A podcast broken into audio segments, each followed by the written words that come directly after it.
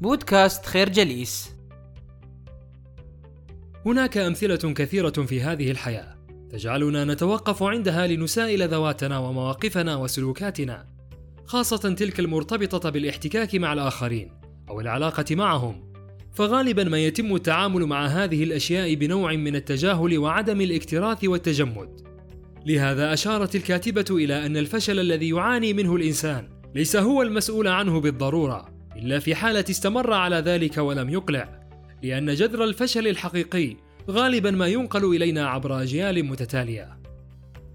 إن أول ما يصادفه الإنسان وهو يأتي إلى هذا العالم هو أنه يتلقى رسائله من المحيطين به والأقارب فيتم حشو أدمغتنا بكل شيء بما في ذلك تصوراتنا عن الأشياء والمعتقدات.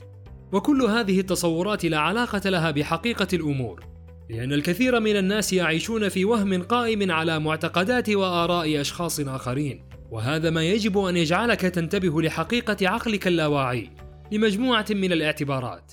أننا كائنات نملك هذا الجزء من العقل المسمى بالعقل اللاواعي أنه الجزء غير التحليلي من الدماغ أنه المسؤول عن المشاعر والغرائز هو المكان الذي نخزن فيه المعلومات الخارجية الأولى التي نتلقاها. يصدق العقل اللاواعي كل شيء لأنه لا يتمتع بأي نوع من المصافي. الفكرة يجب على الإنسان الانتباه لما يترسخ في عقله اللاواعي من خلال الآراء التي يكتسبها من محيطه كي ينفتح على تجارب جديدة. كل تصوراتنا عن أنفسنا نأخذها من الآخرين وانطباعاتهم علينا. وهذا هو الجحيم، إننا نمضي في هذه الحياة، نتقلب بين الأحكام التي ننشئها على ذواتنا وبين نظرات الآخرين التي يطبعها الخوف على أنفسنا. والعجز على أننا لا نساوي شيئا. لكن بالرغم من إيماننا أننا ذوات مستقلة إلا أننا نفضل التعذب والتمزق في جحيم هذا الآخر وقضاء أوقات كبيرة في انتظار رضاه علينا.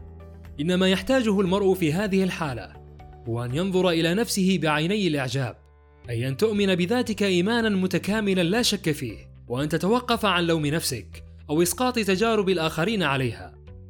عليك أن تختار كيف ترى حقيقتك، أي أنك عندما تنظر لنفسك فلتنظر إليها فقط من خلال ذلك النجم الساطع في سماء النجاح، فهل هذا كثير؟ لا بالعكس، إنه أبسط مما تعتقد، لكن يلزمك أيضا أن تؤمن بقوتك وصلابتك في هذه الحياة، وأن تعتقد أيضا بأنك محبوب وناجح كي تجلب لنفسك كل ما يسعدك في الواقع، لأنك في الحقيقة داخل رحلة ليس لها بداية محددة ولا منتصف أو نهاية كما ليس هناك أي انحناءات أو انعطافات خاطئة. الفكرة آمن بذاتك أولا وأعتقد أنك صلب ومحبوب. تجلب لك كل ما يسعدك في هذا الواقع. يدعو الكتاب إلى التخلص من كل الهواجس والمآزق التي يعيشها الإنسان المعلق بالماضي والمستقبل. متناسيا أهمية اللحظة الحاضرة معنى ذلك أننا ننفق الوقت الكثير في سبيل ملاحقة الوهم في عقولنا وفي استعادة ذكريات الحنين إلى الماضي أو تلك اللحظات العابرة في حياتنا التي لم يعد لها وجود. المشكلة أننا في خضم هذا التوحش وهذا التمزق النفسي الذي يعيشه الإنسان المعاصر تحديدا يجب أن نتذكر أن الكون يحبنا كثيرا ويريدنا أن نكون مشاركين في بنائه وصناعته وفاعلين في تدبير أموره. فما العمل إذن؟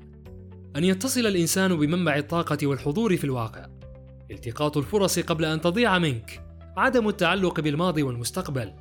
اجعل أفكارك تصمت واشعر بصلتك بالمنبع. استمتع باللحظة التي تمضيها في الوقت الحاضر. الفكرة تخلص من الماضي وأعبائه والمستقبل وهواجسه.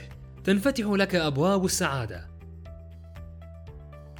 إن المقصودة بالإغفاءة الكبيرة هي الأنا. فهذا المصطلح كما تقول الكاتبة هو الأكثر ملائمة للتعبير عن واقع الأنا حيث أن السبب الأول للفشل هو أننا لم نستيقظ بعد لنرى كم نحن أقوياء وكم هو جميل هذا الكون الذي نسكنه ونحيا وسطه. فبماذا تعيقنا الإغفاءة الكبيرة؟ إنها تتوافق مع معتقداتك الخاطئة التي اكتسبتها من محيطك الفاشل. إنها القمامة التي تجمعت في لاوعيك عندما كنت صغيرا إنها الأشياء التي تعيق حركة تقدمك وتطورك. إنها الخوف الذي يجعلك لا تغادر منطقة الأمان.